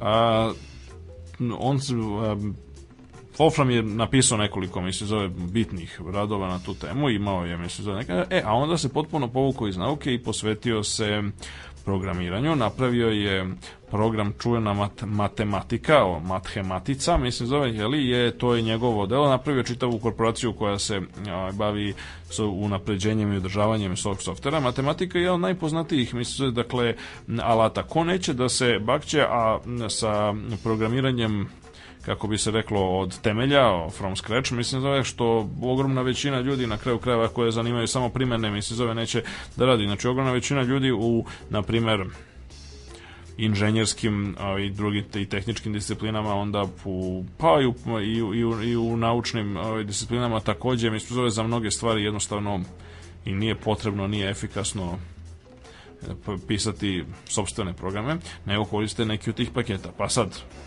recimo jedan je MATLAB, drugi je Maple, a treći mhm. je Wolframa matematika. Neki kažu da je Wolframa matematika baš možda i naj sofisticiranija, najbolja i tako dalje. I on je tu zgrnuo prilične pare, mislim, zove u celom tom stvari, pa, softverskoj industriji i tako da. dalje, mislim da je čovjek se jako obogatio. E, onda je nakon toga, mi se zove, rešio da se vrati u nauku. E, sad, taj njegov povratak nije baš onako najsećniji, to je ono što je donekle izvao mhm. kontroverze, pošto jedna od stvari koju on standardno radi po povratku u nauku jeste da sebi prisvaja razna otkrića velika i sad to je onako u, u nekoliko navrata se desilo, a posebno je bizarno jeste to što zahvaljujući dakle svojim materijalnim mogućnostima on zapošljava uh, ljude, mislim zove da ovaj, razne stvari rade i dokazuju za njega, ali im eksplicitno, mislim zove recimo ugovorom, mislim plaća onih dobro, ali eksplicitno im recimo ovaj, nalaže da znači sve što oni ono, otkriju, urade, dokažu i tako dalje, mislim zove pripada njemu, mislim zove, odnosno mislim zove se pripisuje njemu i to mnogi smatraju, mada to jeste s jedne strane, mislim zove, znači komercijalna i tržišna praksa, s druge strane mnogi smatraju da je to u naučnim ovaj, jeli, krugovima nedopustivo i nešto što predstavlja, mislim zove, neetičko ponašanje i oko toga se vode velike debate. Dru, on je napisao ono što je uradio po povratku, odnosno tobože on je sedeo 10 godina i pisao veliku knjigu. Ta velika knjiga nosi naslov New Kind of Science, nova vrsta nauke i a, ogromna je zaista je ogromna. Dakle, možete da ubijete čoveka, mislim, zove njome, mislim, zove ima nekih, ja mislim, dve i po hiljade strana, velika je ko telefonski imenik i debele korice, jako lepo, pompezno ilustrovana i tako dalje, mislim, zove mnogo, mnogo je sve to, mislim, zove lepo doterano, fino izgleda i tako znači, to. Znači, ilustracije? E, sam, imam, ima jako mnogo. Osnovna teza te knjige zapravo jeste da mi treba da, da razmišljamo o svemiru kao o jednom Pa o svemiru an generala, o svim fenomenima i fizičkim, biološkim, kosmološkim, u krajnjoj instanci društvenim, psihološkim i tako dalje, o kao o procesima koji se mogu digitalizovati, odnosno predstaviti mislim u digitalnim modelima i kao nečemu što u krajnjoj instanci može da predstavlja ishod dovoljno mnogo vremenskih koraka, dovoljno mnogo iteracija, dovoljno komplikovanih celularnih automata. A, I sad, on je tu dokazao čitav niz mislim zove zanimljivih primera. Znači tamo ima čitav niz primjera koji su obrazloženi detaljno o tome znači kako jednostavna jednostavna pravila tranzicije od jednog do drugog trenutka proizvode ekstremno složeno ponašanje. I što se toga tiče to je nekontroverzno. S druge strane ta njegova grandomanska e, mislim i grandomanski pristup mislim zove samoj e, samoj temi, dakle on citira najviše samog sebe, mislim zove citira i druge ljude, ali apsolutno najviše mislim zove samog sebe i uopšte mislim zove to je na neki način mislim zove to je to je anomalija, mislim ta knjiga jeste onako ovaj, dobro je da knjige izazivaju kontroverzu, diskusiju i tako dalje. Mada je ona i zaista anomalna po više parametara, mislim zove jedna je ta, ta njegova ono, užasan egocentrizam i, na, i to mislim zove stalno isticanje toga da eto čak i stvari koje se pripisuje drugima kaže ali to se moglo naslutiti već već iz ono, mojih radova i tako dalje. Mislim, zove, preki, tako što da, sam ranije ove, ovaj, Tako rekao. da to onako, dosta ovako komično, mislim, zove, deluje na momente, a ponekad i tužno, mislim, zove, zbilja. Ima tome već neko vreme kako sam o tome vam govorio. Pa jeste, mislim, zove, to je, to je mislim, fascinantno, mislim, zove, e sad, druga stvar, naravno što je sumnjivo da li, znači, e, neki primjeri su zaista fascinantni i okej, okay, ali naravno to je još uvek jako daleko od dokazivanja te njegove opšte, opšte filozofske, da kažemo, mislim, metafizičke teze e, i u nekom smislu reči, mislim da to je verovatno, mislim da je potpuno van domašaja, znači tako neka opšta teza, mislim zove da se ceo svemir ponaša, mislim zove kao celularni automat je jednostavno, mislim zove van domašaja, mislim zove normalnog, normalnog procesa ono, dokazivanja, verifikacije i falsifikacije, a, a s druge strane opet, kažem, ono što jeste korisno jeste što je pojavljanje te knjige i naravno velika propagandna kampanja kojom on to propratio je povećala interesovanje ljudi generalno za celu problematiku.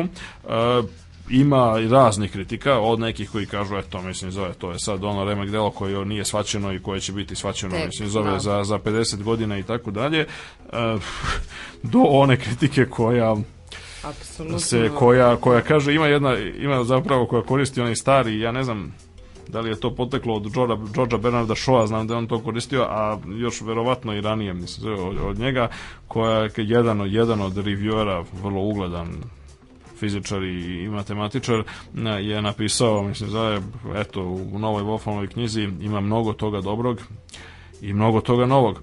Kaže, jedini problem je kaže, što ono što je dobro, mislim, zove nije novo, a ono što je novo nije dobro. Da.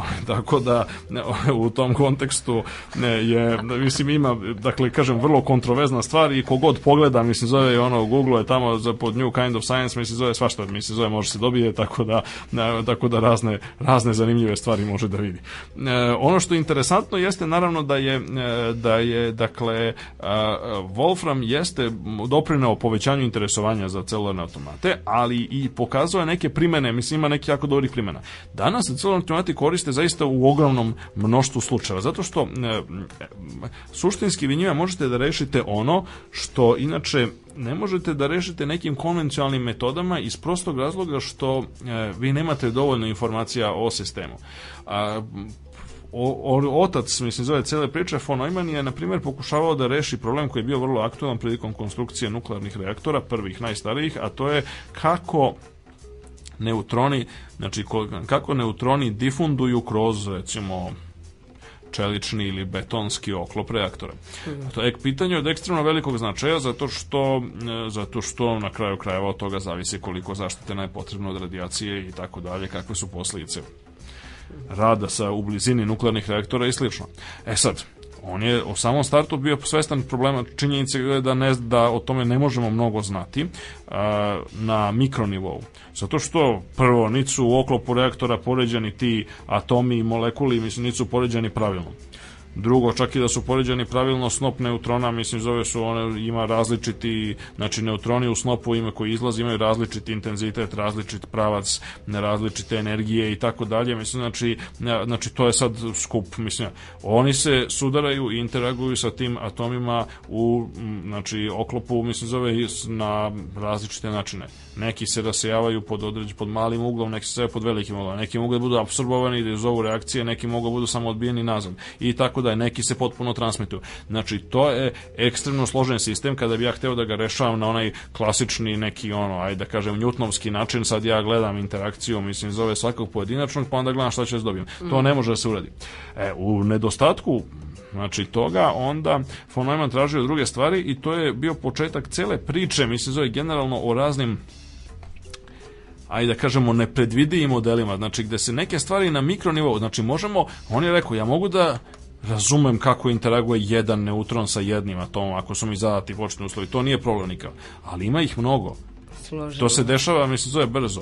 Onda ću ja da napravim simulaciju toga i to ću tako da razmišljam, mislim, zove da oni, recimo, postavit ću njih u nekakvu rešetku, mislim, zove nacrtaću to na, na kvadratić, na papiru sa kvadratićima, onda ću da gledam. Znači, šta se dešava a, u mnogo slučajeva? pa ću onda da usrednjim. Znači ja ću mnogo da postavim različite stvari koje se razlikuju pomalo i onda ću kako da gledam šta se dešava. I to je bila cela ideja koja je, znači cela priča sa svim mogućim stohastičkim Monte Carlo simulacijama i slično je zapravo otpočela, mislim, zove od tog fenomenog problema, a konkretno u konkretnom slučaju celovnih automata on je znači on, on je znači to koristio da kad uh, e, rano je jako mnogo, mislim, zove simulacija, onda on dobije neko srednje ponašanje koje predstavlja najbolju aproksimaciju onoga što mi inače ne znamo, mislim možemo da ga poredimo sa onime što se dobije iz eksperimenta, ali je jasne, i pokazuje jasne. se kako zove da se da celularne automati omogućuju u takvim stvarima jako brzu konvergenciju, odnosno jako brzo se stiže do odgovora koji dovoljno dobro reprodukuje e, zadati sistem. E, a ako reprodukuje zadati sistem, onda mi promenom početnih uslova dobijamo, mislim zove, znači možemo odmah da primenimo na neki novi sistem o kome ništa ne znamo i kome nismo vršili nikakve eksperimente. Pa, to je I ono ono što ono što je e, ono mislim ono što je zanimljivo jeste da recimo kod drugih stvari gde mi znamo neke Znamo, zna, znamo neku lokalnu, mislim, zove interakciju, a ne znamo kako će se to odraziti na, na veliku šinu populacije ili na šinu prostora i tako dalje. Najbolji primjer je epidemiologija. Znači, epidemiologiji mi znamo šta će se desiti ako jedan čovjek bude u određenom vremenu, mislim, zove pod, znači, pod utjecajem patogena, odgovaraju. A sad mi ne znamo, mislim, zove kako se čovjek kreće, ne znamo ako se mnogo ljudi, mislim, zove kreće, koliko će se razboliti, koliko će preneti bolest na druge, koliko će, mislim, zove ozdraviti, koliko će se razboliti, pa će umreti, pa neće više prenositi bolest, tako dalje. Pa to je znači, ekstremno složena stvar. mutacija, u stvari. Pa, ok, u celokupnoj, u nekakvoj globalnoj slici, mislim, zove, mi imamo da će to, da će doći do promene iz jedne, iz jedne populacije u drugu, drugu. mislim i pa da. sad ali e, poenta jeste da do toga dolazi kroz mnogo malih lokalnih koraka.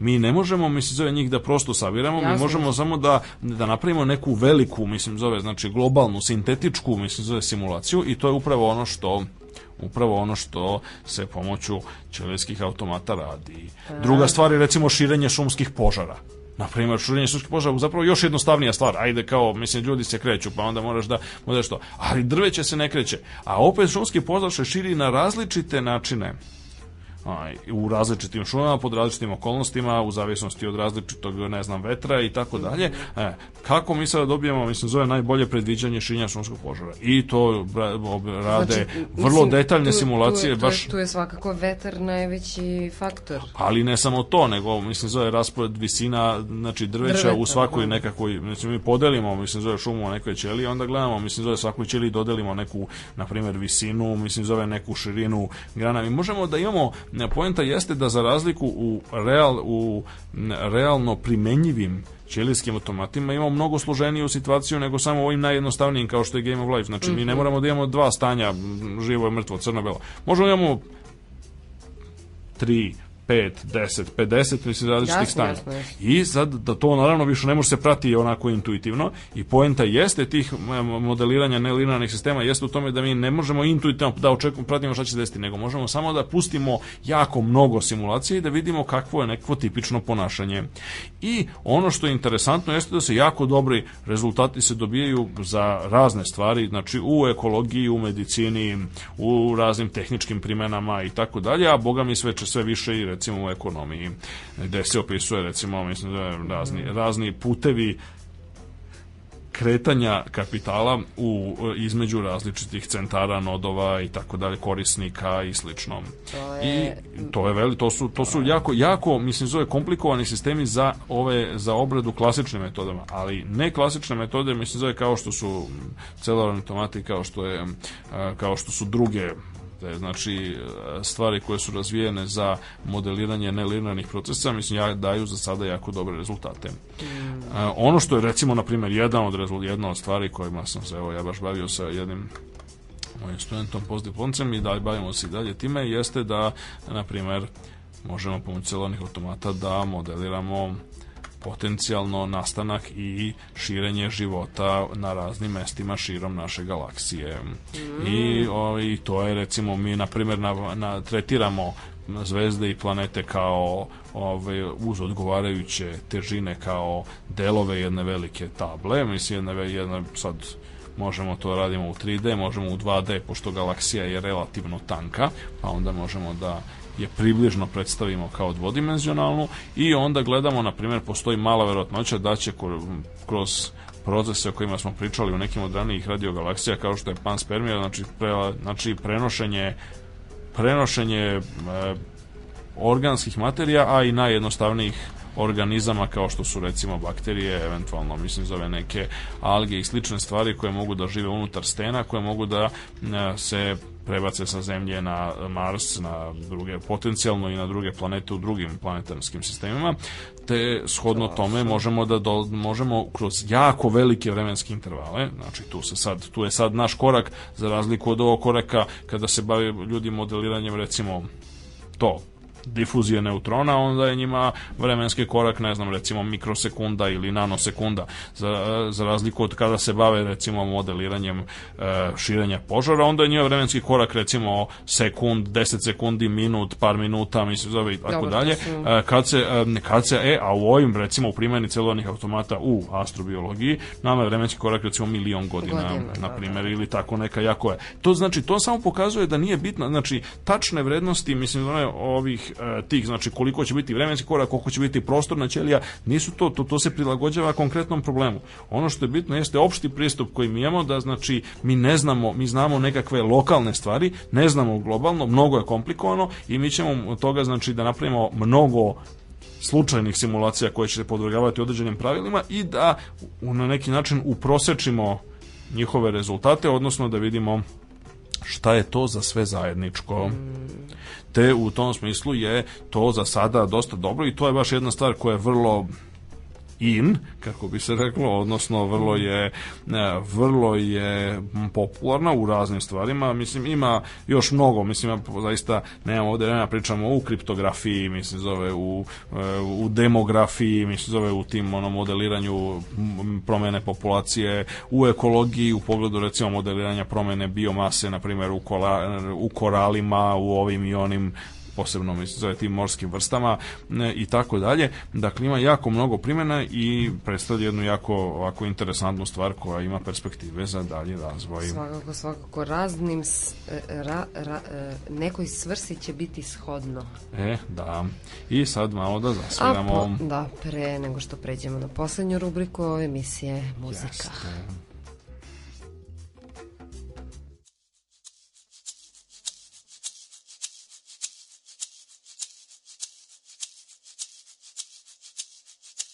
I believe I, have learned more. I, as you know, I have that I have um, a part-time job with challenged um, young women, and they they're happy all the time.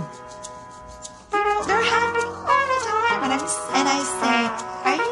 Oh no, just I'm happy. You know, and and and it's you know some of their expectations are so simplistic. Not to say simplicity because they're challenged. No it's like they don't ask beyond of what's present. It's like they don't ask beyond of what's present.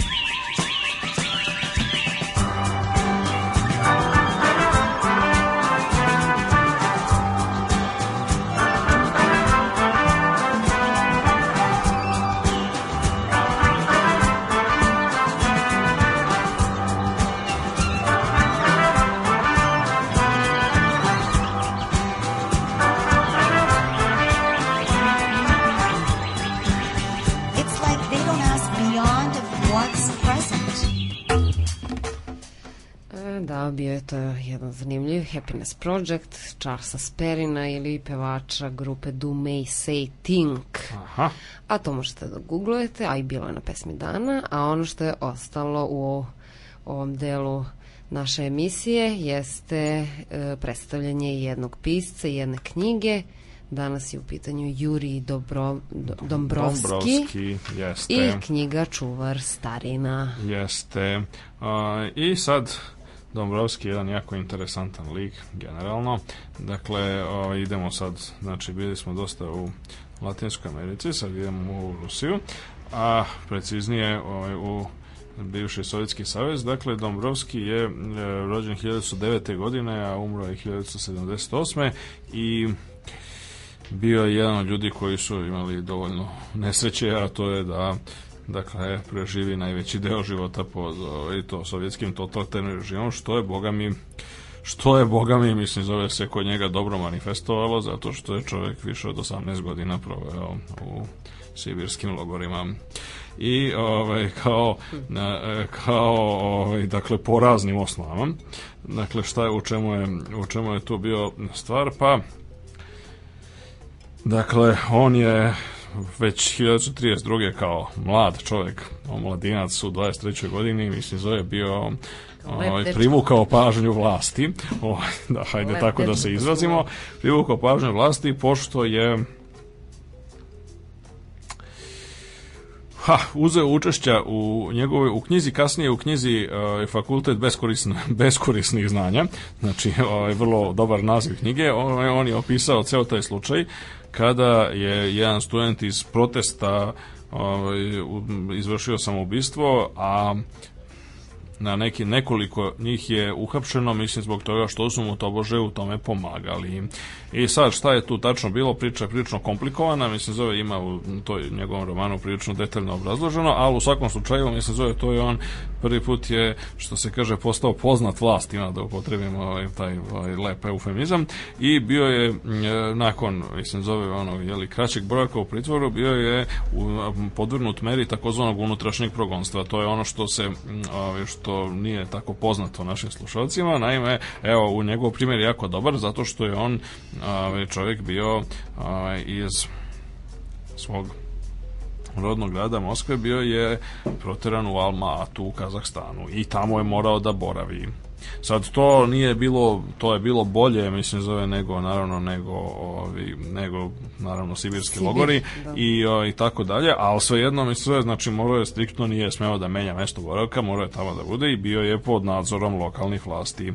E tamo je radio kao nastavnik u srednjoj školi, što da delimično, ovaj, se delimično daje, e, opisuje baš upravo u ovom romanu Čuvar starina njegovom možda najpoznatije mislim da romanu a, a onda je bez Tokio živeći dakle u Kazahstanu mislim zove počeo je da e, počeo je da objavljuje mislim zove razne tako knjižane članke eseje i slično od, od 1937. nadalje e, njegov, njegov prvi roman pod nasilom Državin objavljeni 1938. I 39. godine je bio sad onako pomalo paradoksalno pošto je tu bilo neke vrste pasivnog otpora ajde tako da se izrazim vlastima on je za račun tog romana koji je smatran vrlo uspešnim bio primljen u savez pisaca a međutim iste godine bio uhapšen i e, dakle ovaj put ovaj put poslat u, ovaj, u, mnogo, u, u mnogo manje prijatno okruženje, naime u zloglasni koncentracijan logor Kolima na severoistoku Sibira, gde, gde su bili mnogi drugi disidenti i upravo u tom istom romanu, znači fakultet beskorisnih znanja, ovaj, je dao detaljan opis, detaljan opis toga. Drugi ljudi, mislim, zove Grossman, Složenjicin i drugi su takođe opisali isti taj logor koji je po mnogo čemu, mislim, zove bio naj ekstremniji i najpribližniji, mislim, zove se ovaj, znači, komunistički ekvivalent Auschwitza u, na, u nacističkoj Nemačkoj.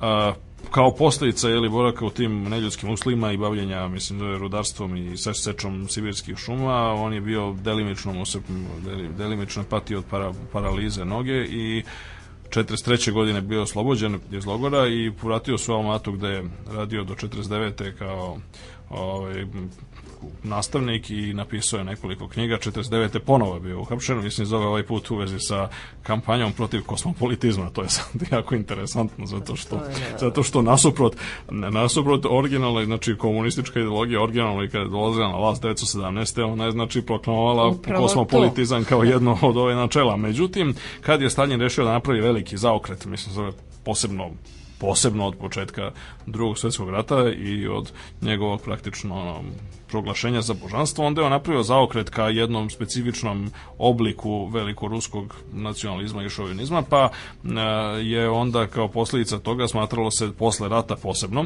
kada se kosmopolitizam vezivao za ideje o razoružanju, ne, ne znam, ovaj, onda su pristalice kosmopolitizma bile, ovaj, hajde da kažemo, ovaj, bile do, dospele u značajan rizik u Sovjetskom savezu, tako da je Dombrovski ovaj put kao kosmopolita dobio 10 godina, mislim, zove zatvora, u, u Sibiru, doduše ne na Kolimini, nego u, u Osetrovu, koje je bilo, ajde da kažemo, malo umerenije, malo nešto umerenije.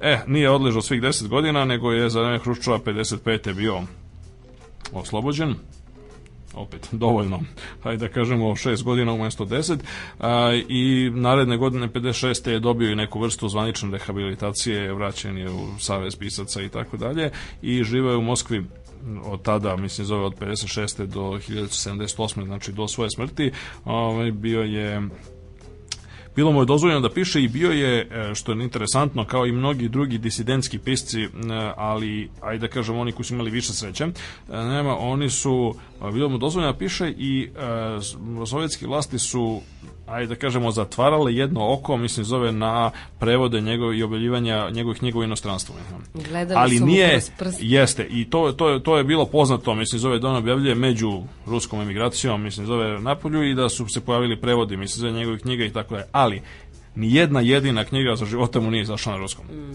Dakle, bilo je potpuni, znači, bio je, bio kažem, pod potpunim embargom, o, tako da, e, i niti je, mislim, zove, niti mu je bilo dozvoljeno da putuje čak ni u ove zemlje takozvane narodne demokratije, kao što je Poljska, mislim, zove, gde on želao, imao rođake, mislim, zove, i tako dalje, želao da putuje u više navrata, ali nikada nije dobio dozvolu. Uh, njegova dela su prevedena prvo onako relativno, relativno stidljivo, a onda su negde od 1960.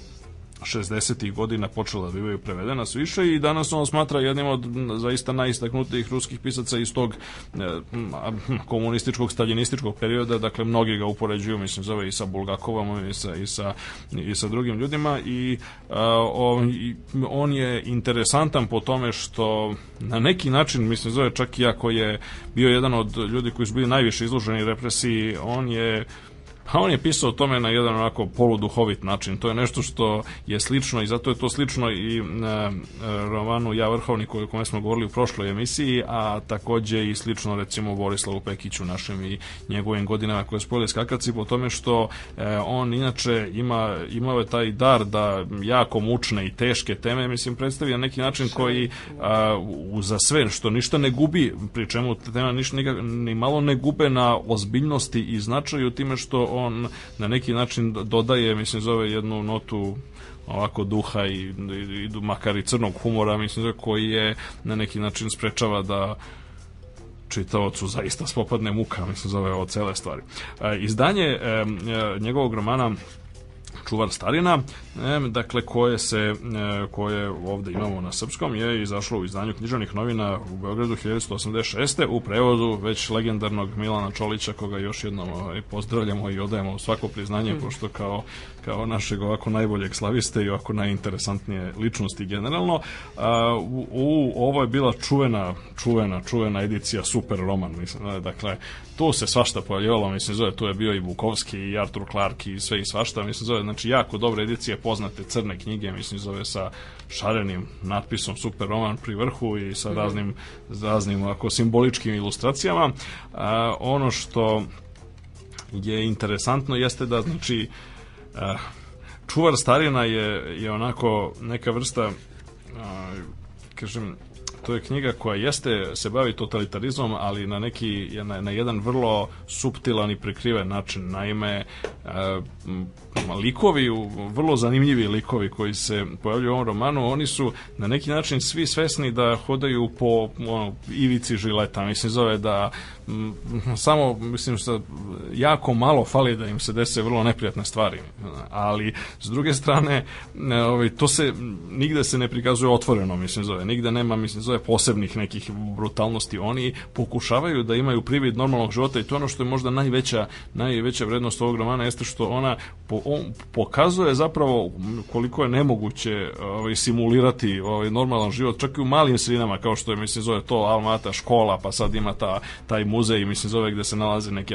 arheološke nalazišta i tako dalje, mislim zove oni pokušavaju da se bave drugim raznim e, malim i lepim stvarima, ali to je nemoguće nikad u potpunosti da, e, da izbegnu, mislim zove kako bi se reklo tu ono nevidljivu, nevidljivu ruku i oči koje ih prate i tako dalje i onaj strah koji i izvire iz svake, dakle, svakog momenta, mislim zove u totalitarnim režima. Za sam kraj, odlomak. Dakle, jedan odlomak ovako iz pa, hajde da kažemo iz jednog deskriptivnog dela sa početka romana Čuvar stari nam. Može.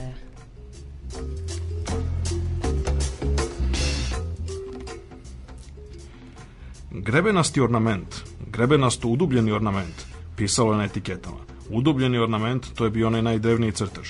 Jednostavno čovek je ležao na obali reke, gurao prst u pesak i posmatrao šta ispada a ispadali su linija, tačka, ponovo linija, ponovo tačka, sad to više nisu bili linija i tačka, već crtež.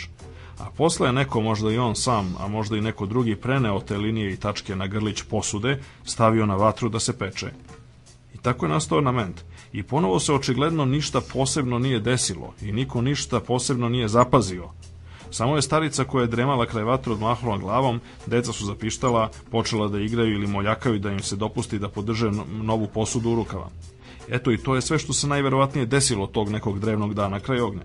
Ali ornament je bio rođen, počeo je da živi, raste, da menja svoje obrise, da se usložnjava, dobija nove detalje, postaje sve teži.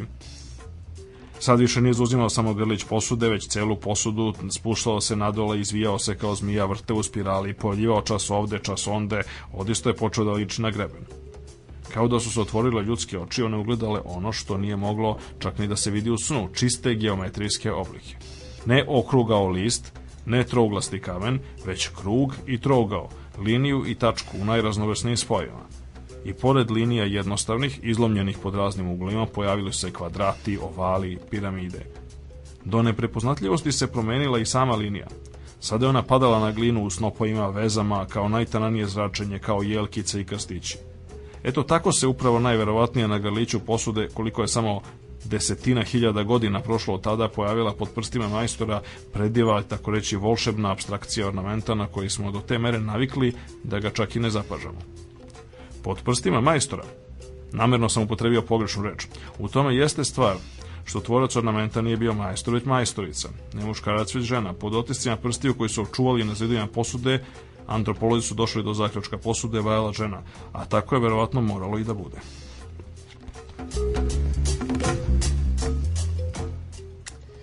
Hvala Ćiro. Molim, nema na čemu. Bila je to još jedna radio galaksija. Do slušanja. Do slušanja sledeće srede. Doviđenja, prijatno.